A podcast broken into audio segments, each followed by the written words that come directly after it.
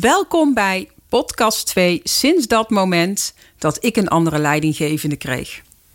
Stel je voor, je favoriete leidinggevende gaat weg, die heeft een andere baan en je krijgt er een nieuwe voor terug.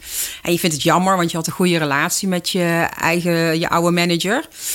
En op de eerste dag dat die nieuwe manager binnenkomt lopen op jou op kantoor, geeft hij een hand en die is nogal ferm. Hij knijpt hard en hij uh, uh, zegt van zoiets als van, nou ja, zo wij gaan er dus samen het beste van maken. En hij geeft je een knipoog. En sinds dat moment is alles anders. Mijn naam is Daphne Beurskens en ik ben angstexpert na een impactvolle situatie. En ik help met bureau Boeg mensen die na zo'n situatie zich angstig, onzeker en gestrest voelen om dat ene moment te verwerken, maar ook alle eerdere momenten waarin ze datzelfde gevoel hebben gehad. Dat zijn namelijk de triggers waarom het nu zo slecht gaat. Mijn cliënten omschrijven mij als een vriendin waar je alles tegen zegt, zelfs dat wat je eigenlijk niet wil vertellen. En het fijne bij mij is dat je al die dingen ook helemaal niet hoeft te vertellen. En in vijf afspraken kan ik je van je angsten afhelpen.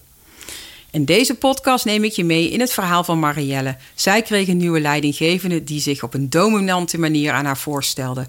En sinds dat moment is alles anders.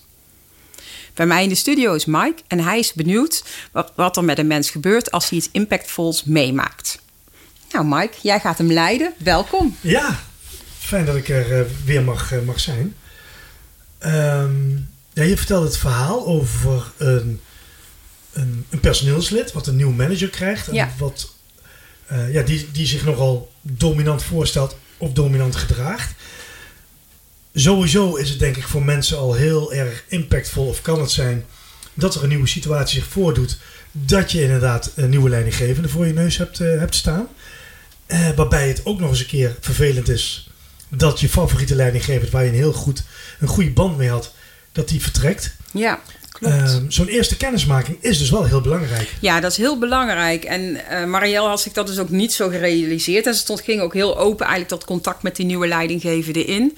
Maar de manier hoe hij dus binnenkwam, uh, de dominantie of de fermheid, de kracht waarmee hij binnenkwam, dat, uh, dat maakte er eigenlijk meteen al klein. Ze kon niet zo goed uit de woorden komen. Ze durfde zich niet zo goed voor te stellen.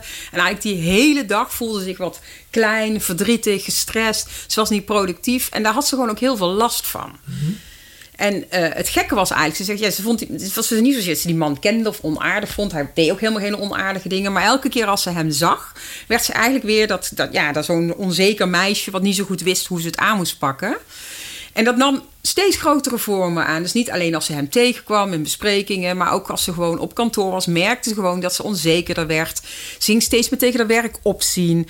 Uh, ja, en dat vond ze vervelend, want het is niet, nou, dat heb jij denk ik ook. Ik vind het ook niet leuk om met tegenzin naar je werk te gaan. En de collega's die maakten zich eigenlijk ook steeds meer ongerust. Die zeiden ook tegen haar van... Ja, je bent veranderd, wat is er aan de hand? Uh, gaat het wel goed met je? Ja, en daar had ze ook veel last van. Dat mensen dus allemaal dingetjes van haar vonden. En zelfs thuis, haar partner, die had zoiets van...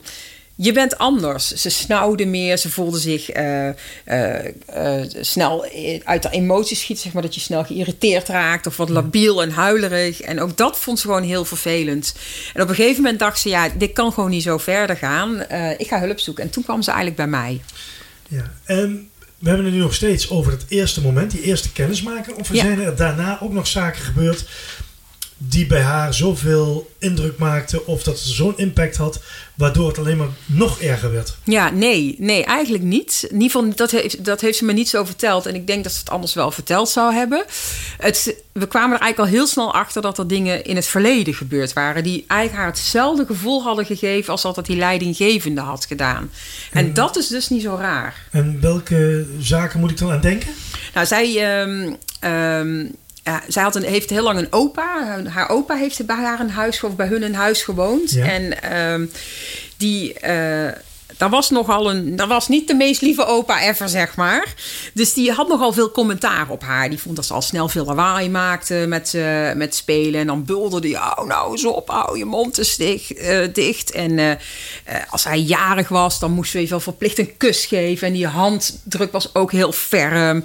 En een keer kwam er een vriendinnetje spelen. En toen kraakte hij dus Marielle af, waar dat meisje er zich ook bij stond. En zo van: ja, je kunt niet goed tekenen. Je bent eigenlijk maar een dom kind. Ja, dat is natuurlijk niet goed voor je zelfvertrouwen. Nee. En al die situaties die maken, ja, die sla je op in je lange termijn geheugen. En omdat het als heel naar en vervelend wordt ervaren, klitten ze ook bij elkaar. Dat, dat noemen ze dan mooi neurologische verbindingen worden gemaakt. Die haken allemaal aan elkaar.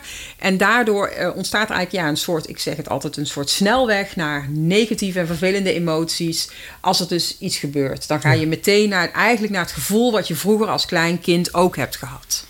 En hoe kom jij dan bij dat moment waar die vergelijking wordt gemaakt tussen die leidinggevende en die opa. En hoe kom je dan als het ware weer in haar gevoel terug bij haar opa? Ja, nou ja, wat, ik, wat we natuurlijk. Ze komt met het verhaal van die leidinggevende dat ze zo verslag is. En eigenlijk uh, gaan we dan in op het gevoel wat ze daarbij heeft gekregen. Mhm. En dan ja, stel ik eigenlijk de hele simpele vraag: wanneer heb je dat gevoel al eerder gehad? Ja. En omdat je het er al een beetje over hebt gehad en in een, uh, uh, ja, is dat gevoel ook een beetje alweer aangewakkerd. En toen zegt ze: ja, dat is dus mijn opa.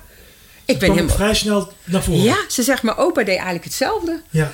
En ze was eigenlijk helemaal niet meer met haar opa bezig, want die was ondertussen ja, overleden. Maar goed, die is op een gegeven moment verhuisd. Dus mhm. dat had ze nooit meer bedacht, dat eigenlijk hij degene was die haar hetzelfde gevoel had gegeven als die leidinggevende. En hoe ben je zover gekomen dat ze daar ja, vanaf is gekomen eigenlijk? Wat, wat, heeft, wat heb je gedaan zodat zij weer uh, of plezier, met plezier naar het werk gaat. Mhm. Of dat ze dat kan vergeten. Of dat ze eindelijk gewoon weer zichzelf eigenlijk is.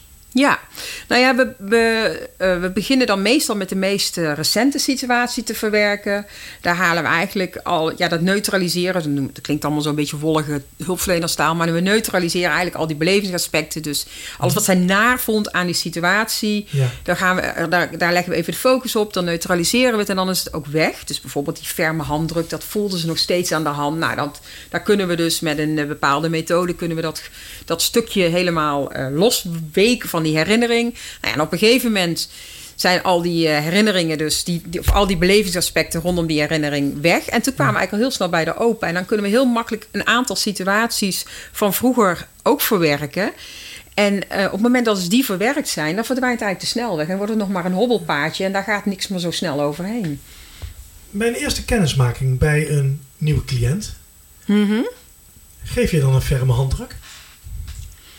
Uh, ik, eh, dat is een goede vraag. Nee ik, nee, ik geef meestal wel een hand. Ja? Maar je hebben natuurlijk een paar jaar uh, corona gehad. Toen raakte ik eigenlijk niemand aan. Maar nu geef ik wel eens een hand. En soms ook niet. Ik laat eigenlijk altijd een beetje van de cliënt afliggen wat zij doen. Ja. ja. Het is wel een goeie dat je dat zegt. Want dat zou natuurlijk ook iets los kunnen maken. Hè? De manier hoe ik doe. Ja. Ja, dat heb ik ook nooit teruggehoord. Ik hoor eigenlijk altijd terug dat mensen het juist zo fijn vinden dat ik luister, empathisch ben, geen oordeel heb. Ehm, en dat ze zich snel heel prettig voelen. Maar ik heb me nooit gerealiseerd dat ik ook op iemand kan lijken van voor hun vroeger. Ja. ja. Nee, ik, ik, daar, daar, komt in één keer op en ik denk, hé, hey, hoe doet Daphne dat als iemand voor het eerst voor haar staat? Nou ja, en ik werk heel veel online. Ja. Nou, dan, hoef je elkaar, ja, dan stel je elkaar voor verbaal en met, uh, dat je elkaar aankijkt, maar dan uh, hoef je elkaar niet aan te raken.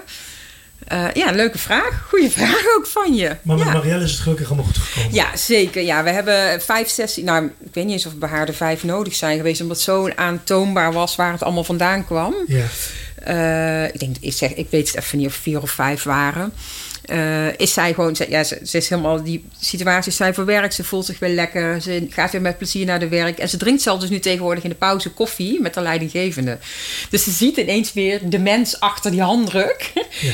en uh, ja, het is gewoon eigenlijk weer helemaal happy de peppy daarmee. Oh, dat is mooi om te horen. Ja. Ja, nou ja, en stel dat jij nou luistert en je denkt: Oh, ik herken me ergens in dit verhaal. Ook dat is heel normaal. Hè? Wij hebben de gave als mens om uh, ons eigen levensverhaal langs een verhaal van een ander te leggen. Um, nou, wees lief voor jezelf als je merkt dat je ook een beetje geraakt bent. Of dat je denkt, ik herken me dat ik ook niet meer helemaal mezelf ben. Kijk eens of jij kan erachter kan komen waar die uh, eerste keer dat gevoel is ontstaan. Uh, en probeer dat dan voor jezelf ook te verwerken. Um, nou ja, en als je denkt, ik heb meer nodig, dan uh, zoek hulp. Er zijn echt ontzettend veel mensen die hierbij kunnen helpen. En als je denkt, ehm, nou, ik wil eigenlijk hier wel een reactie op geven, doe dat alsjeblieft. En als je me een mailtje wil sturen, dan mag ook. daphne.bureauboeg.nl En wil je een keer met me praten, ga dan naar mijn website www.bureauboeg en klik daar op uh, kennismaken gratis gesprekken. Daar kun je gegevens achterlaten. Ik neem dan contact met je op en dan plannen we gewoon een gesprekje in. En dan kunnen we online uh, even kletsen over waar jij mij uh, over wil spreken. Mike, dankjewel. Graag gedaan.